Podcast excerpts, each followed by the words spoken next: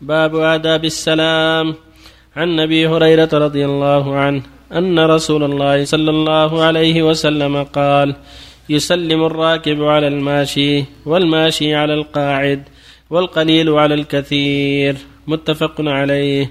وفي رواية للبخاري والصغير على الكبير.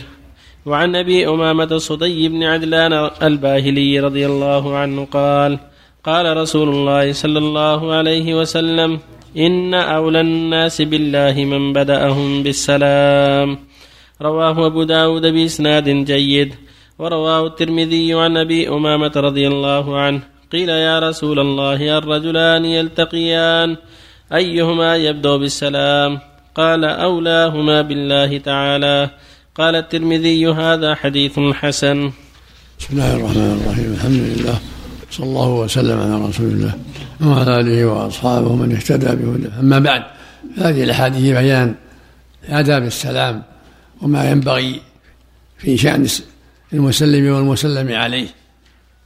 يقول صلى الله عليه وسلم يسلم الصغير على الكبير والمار على القاعد والراكب على الماشي والقليل على الكثير. هذا من آداب السلام. كون الراكب يبدأ بالسلام.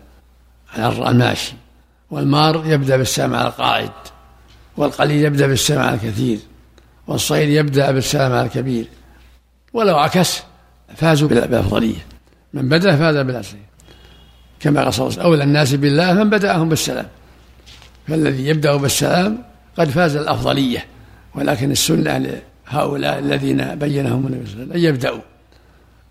وهو الراكب على الماشي والمار على القاعد والقليل على الكثير والصغير على الكبير. هم اللي يبدأون.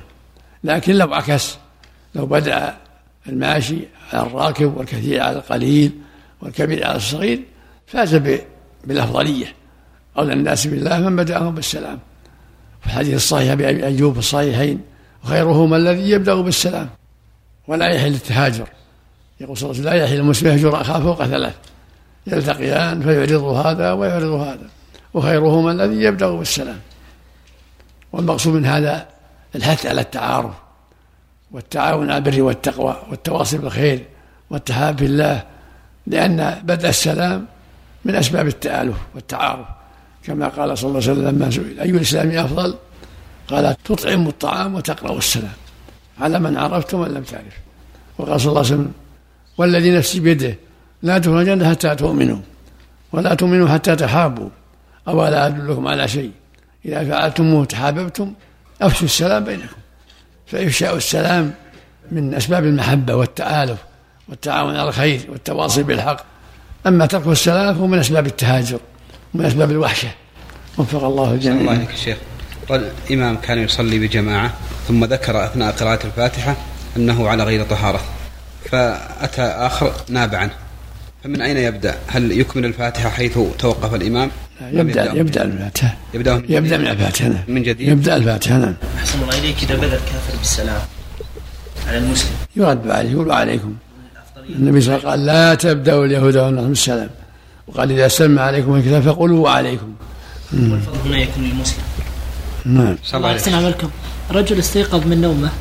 فقام وصلى الفجر ظنا منها أن المسجد قد صلى. فما انه صلاته سمع المسجد يقيم يا شيخ يروح يصلي معه.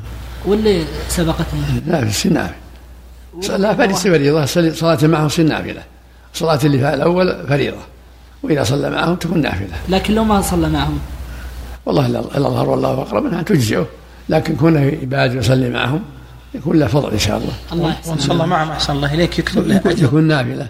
لكن ما تكتب له أجر جماعة. بل أجر جماعة في النافلة. أجر جماعة في النافلة. في النافلة. نعم. إليك يدخل فيه النازل على الطالع. نعم. إذا كان الرجل نزل من الدرج ورجل طالع يدخل فيه يعني. النازل هو اللي يسلم يبدأ. النازل هو الذي نعم. أحسن الله. عليك يا شيخ. لفظة قال القرآن هل فيها محذور؟ نعم. يقول القرآن أو قال القرآن. يستخدم بعض الكتاب يا شيخ. والله الأحوال الأحسن يقول يقول الله في في القرآن يقول الله في كتابه لأن القرآن كلام هو هو باللي يقوله. الله اللي يقول سبحانه. الله يحسن اليك يا شيخ. معنى قوله عليه السلام اولى الناس بالله الذي يبداهم بالسلام؟ هذا ظاهره أو لهم من بدأهم السلام يعني حقهم بالله ورحمته وإحسانه وجوده وفضله.